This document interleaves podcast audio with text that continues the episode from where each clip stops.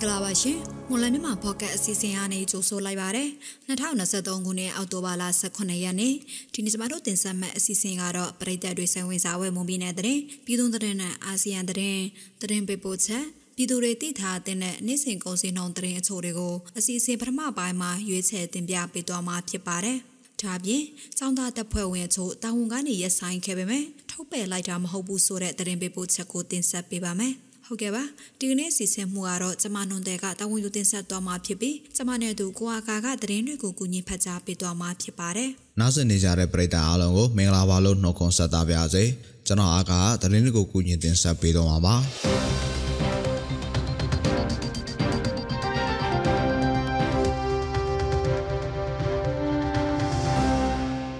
အဆုံးသတင်းတပုတ်အနေနဲ့ကျိုက်ထုံမြို့နယ်ဖက်ကလိတ်ကြီးရွာမှာ PGF ပိုတူတနေ့ညနေကတနက်နဲ့ပြစ်ခတ်ခံရပြီးတေဆုံးခဲ့တယ်လို့ဒေသခံတွေကဆိုပါတယ်။ဖက်ကလိတ်ကြီးရွာနေအောင်မျိုးလွင်ခစောနန်ဦးဟာအင်္ဂဘိုကြီးရွာကိုတွားရောက်ချိန်အမည်မသိလူတစုရဲ့ပြစ်တက်ခံခဲ့ရလို့နေရာမှာတင်ပွဲချင်းပြီးတေဆုံးခဲ့တယ်လို့သိရပါတယ်။ ပြစ်ခတ်ခံရမှုကြောင့်အောင်မျိုးလွင်ရဲ့နောက်ကျောမှာ၃ချက်ဘယ်ဘက်ခါမှနှစ်ချက်နဲ့တေဆုံးခဲ့တယ်လို့ဆိုပါတယ်။အောင်မျိုးလွင်ဟာစစ်ကောင်စီထံအလင်းဝင်ထားသူတဦးဖြစ်ပြီးစိုက်ထုတ်ကနမကြီးရွှေကီတီဝီပိုင်ရှင်လည်းဖြစ်တယ်လို့သိရပါတယ်။အောင်မျိုးလွင်ဟာစစ်ကောင်စီတပ်ရဲ့ထောက်ပံ့မှုကိုရယူပြီးတော်လိုင်းရဲ့တပ်ဖွဲ့တွေရဲ့သတင်းပေးနေသူလို့သတင်းတွေထွက်ပေါ်နေပေမဲ့တိကျအတိမပြုနိုင်တယ်လို့ပယ်ဖွဲ့စီကပြစ်ခတ်ခဲ့တယ်ဆိုတာကိုလည်းအခုထိမသိရသေးပါဘူးရှင်။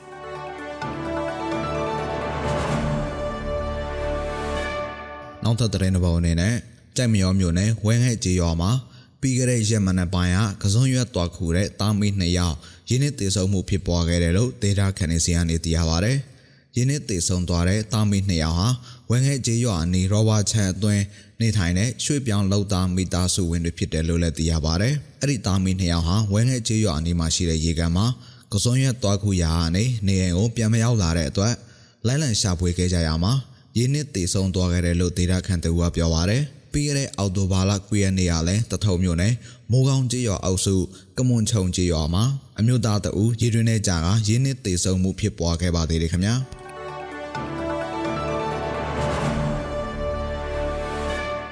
နောက်ထပ်သတင်းသဘောအနေနဲ့ပြပရောက်မြန်မာတွေအနေနဲ့ဝင်ငွေတွေကိုဘဏ်ကသစ်မြန်မာပြည်ပြန်လွှဲမယ်ဆိုရင်လျှက်စစ်ကားနဲ့ဆိုင်ကဲတင်သွင်းခွင့်ပေးမယ်လို့စစ်ကောင်စီရဲ့စီးပွားရေးနဲ့ကုသရေးဝယ်ရေးဝန်ကြီးဌာနကကြေညာထားပါတယ်။တစ်နှစ်အတွင်းအမေရိကန်ဒေါ်လာ2သိန်းနဲ့အထက်ငွေလွှဲခဲ့ရင်အဲ့ဒီငွေရဲ့900ခိုင်နှုန်းဖြစ်တဲ့ဒေါ်လာ1000တန်လျှက်စစ်ရင်အီဝီတစီတင်သွင်းခွင့်ပေးမယ်လို့ပြောဆိုထားပါတယ်။တစ်နှစ်ကိုဒေါ်လာ9000နဲ့အထက်ငွေလွှဲပေးရင်ဒေါ်လာ2500တန်လျှက်စစ်ရင်တစီတင်သွင်းခွင့်ပေးမယ်လို့ဆိုပါတယ်။ စစ်ကောင်စီကတော့ဝင်ငွေပုံမှန်ရနေတဲ့တင်မောသားတွေအပါအဝင်အခြားနိုင်ငံခြားဝင်ငွေရသူတွေအတွက်ဖြစ်တယ်လို့ဆိုပါတယ်။တစ်ဖက်မှာလည်းပြပရောက်နိုင်ငံသားတွေရဲ့စုစုပေါင်းဝင်ငွေ10ရာခိုင်နှုန်းကိုအခွန်ကောက်မယ်လို့စစ်ကောင်စီရဲ့စက်တင်ဘာ12ရက်နေ့ထုတ်2023ခုနှစ်အခွန်ကောက်ဥပဒေထဲမှာရှိနေပါသေးတယ်ရှင်။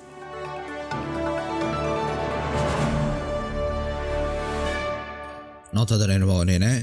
တနင်္ဂနွေလုံးပြစ်ခတ်တိုက်ခိုက်မှုရဲစရေးသဘောတူစာချုပ် NCA ရှင်းနှစ်ပြည့်အခမ်းအနားကိုတက်ရောက်ခဲ့တဲ့မြန်မာနိုင်ငံလုံးဆိုင်ရာចောင်းသားများဒီမိုကရက်တစ်တပ်ဦး ABSDF မှဒုဥက္ကဋ္ဌရဲဘော်မျိုးဝင်းအပါအဝင်၃ဦးကိုတာဝန်နဲ့ရုပ်သိမ်းကြောင်း ABSDF ကမနေ့ကထုတ်ပြန်လာပါတယ်။စစ်ကောင်စီကကျင်းပခဲ့တဲ့ NCA ရှင်းနှစ်ပြည့်အခမ်းအနားကို ABSDF မှဒုဥက္ကဋ္ဌရဲဘော်မျိုးဝင်းဗဟိုဦးဆောင်ကော်မတီဝင်တွေဖြစ်ကြတဲ့ဦးစောမဦးဦးမင်းစောတို့တက်ရောက်ခဲ့ကြတာပါ ABSDF တပ်ဖွဲ့ဝင်3ဦးဟာ NCA ရှင်းနေပြည့်အခမ်းအနားကိုတပ်ဖွဲ့အားချမှတ်ထားတဲ့မူသဘောထားရည်တည်ချက်တွေနဲ့ဆန့်ကျင်ပြီးသူတို့ရဲ့ဆန္ဒသဘောထားအရာလာတက်ရောက်ခဲ့တယ်လို့ဆိုပါတယ်အဲဒါကြောင့်မနေ့ကကျင်းပတဲ့အရေးပေါ်ဗဟိုကော်မတီအစည်းအဝေးဆုံးဖြတ်ချက်အရသူတို့3ဦးရဲ့နိုင်ငံရေးနဲ့စစ်ဘက်ဆိုင်ရာတာဝန်အသီးသီးကိုရောက်သိမ်းလိုက်တာဖြစ်တယ်လို့ဖော်ပြထားပါတယ် စစ်တပ်ကအာဏာသိမ်းယူလိုက်တဲ့အတွက် NCA ပြက်ပြက်သွားပြီဖြစ်တယ်လို့ NCA ရှင်းနေပြည့်အခမ်းအနားတက်ရောက်ဖို့လဲဘယ်တပ်ဖွဲ့ဝင်ကိုမှတာဝန်ပေးအပ်ခြင်းမရှိဘူးလို့ ABSDR ကထုတ်ပြန်ထားပြီးဖြစ်ပါတယ်ခင်ဗျာ။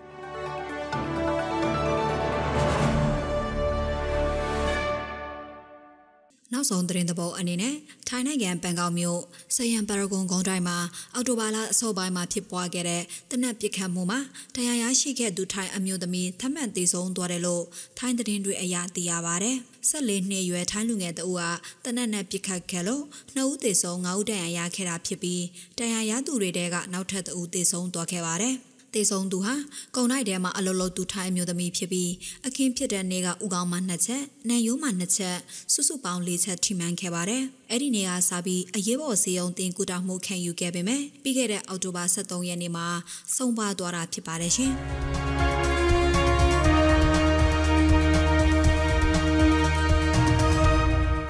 ပြည်သူတွေသိထားတဲ့နိုင်စိန်ကုန်စည်နှုန်းသတင်းချို့တွေကိုမော်လမြိုင်ကုန်စည်တိုင်းကအချက်လက်တွေကိုအခြေခံပြီးတင်ဆက်ပေးပါဦးမယ်။ ဒီနေ့ထိုင်းနဲ့မြန်မာငွေလဲနှောင်းရတော့ထိုင်းဘတ်90ဒရမ9ဝယ်ဈေးရှိနေပြီးရောင်းဈေးက92ဒရမ9ကိုရှိနေပါတယ်။ဒေါ်လာဈေးကတော့အမေရိကန်ဒေါ်လာကိုဝယ်ဈေးမြန်မာငွေ3305ကျပ်ရှိပြီးရောင်းဈေးကတော့3355ကျပ်ရှိနေပါတယ်။ရွှေဈေးနှုန်းကမီလီ16ပဲတစ်ချက်သားကိုအပြင်ပေါက်ဈေး34သိန်းဝန်းကျင်မှာရှိနေပါတယ်။73စီတွေကတော့ဒီဇယ်1လီတာကို2190ကျပ် အောက်သိန်း62တလီတာကို1985ကျပ်နဲ့95တလီတာကို2085ကျပ်အထိရှိနေတာပါစံစင်းနှုန်းတွေကတော့အမြင့်ဆုံးပေါ်ဆမှု108ပေါင်အမြင့်ဆုံးကို39000ကျပ်အလဲလက်တန်းဆန်မျိုးစားပေါ်ကျွဲ108ပေါင်အနိမ့်ဆုံးကို9600ကျပ်နဲ့အမထဆန်တွေကတော့108ပေါင်အနိမ့်ဆုံးကို9300နဲ့အမြင့်ဆုံးကို9600ထိရှိနေတာပါ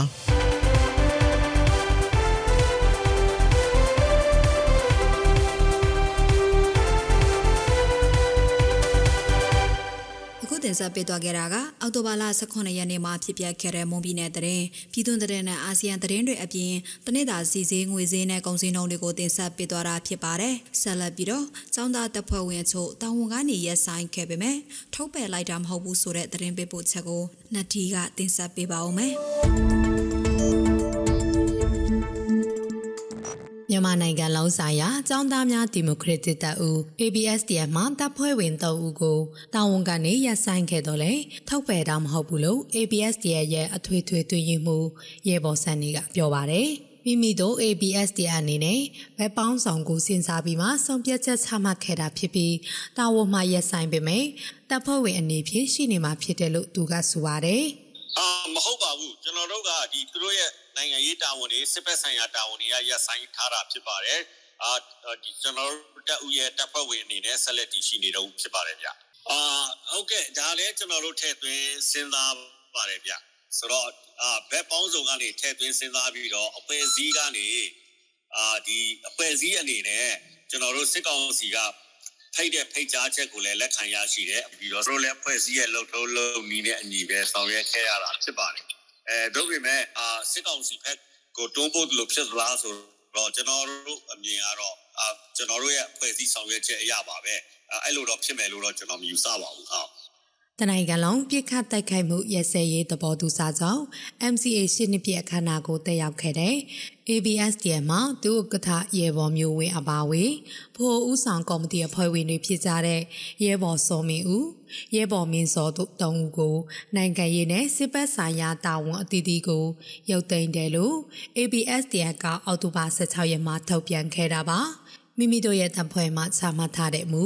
တဘောထားရက်တိချက်တွေနဲ့ဆက်ကျင်ပြီး၎င်းတို့ရဲ့စံသားတဘောထားတသက်ဖြစ်တက်ရောက်ခဲ့တာကိုတွေ့ရကြောင်း ထို့အတူ ABSDF ရဲ့မူတဘောထားရက်တိချက်တွေနဲ့စကျင်တာတွေကိုဆက်လက်ဆောင်ရွက်တာမပြုဖို့လဲထုတ်ပြန်ချက်မှာဖော်ပြထားပါတယ်။သူတို့သုံးဦးဟာတာဝန်မှရုပ်သိမ်းတာက ABSDF ဗဟိုကော်မတီဝင်အစည်းအဝေးတက်ရောက်သူ80ရာခိုင်နှုန်းကျော်ပါကအတည်ပြုခဲ့တာဖြစ်ကြောင်း MCA ရှင်းနှစ်ပြည့်အခမ်းအနားကိုတက်ရောက်ခဲ့သူတောဦးအနေနဲ့ ABSDF ကိုစားပြုပြီးတော်ရောက်တာမဟုတ်ကြောင်းရဲဘော်ဆန်နီကပြောပါတယ် အဲအဲ့ဒါတော့ဘယ်လိုပုံစံသွားလဲဆိုတာတော့ကျွန်တော်တို့အာမသိပါဘူးဗျအဲကျွန်တော်တို့ဖွဲ့စည်းနေကိုကိုစားပြုပြီးတော့သွားတာမဟုတ်တာသိကြပါတယ်နောက်သူတို့ရဲ့တတိပုဂ္ဂလစန္ဒာရသွားတယ်ဆိုမဲ့ဘယ်လိုပုံစံသွားတယ်ဆိုတာတော့ကျွန်တော်တို့အတိအကျမသိပါဘူးဗျ မြန်မာနိုင်ငံလုံးဆိုင်ရာចောင်းသားများဒီမိုကရက်တစ်တပ်ဦး ABSD ဟာတနိုင်ငံလုံးပြစ်ခတ်ရက်စဲရေးသဘောတူစာဆောင် MCA ကို2015ခုနှစ်အောက်တိုဘာ15ရက်နေ့မှာလက်မှတ်ရေးထိုးခဲ့ပါတယ်။အဲဒီနောက်2021ခုနှစ်ဖေဖော်ဝါရီတရက်စစ်တပ်ကအာဏာရယူလိုက်ပြီးနောက် MCA ကပြည့်ပြည့်တော်ပြီလို့ဆိုကာစစ်ကောင်စီကိုစတင်တိုက်ခိုက်လျက်ရှိနေပါတယ်။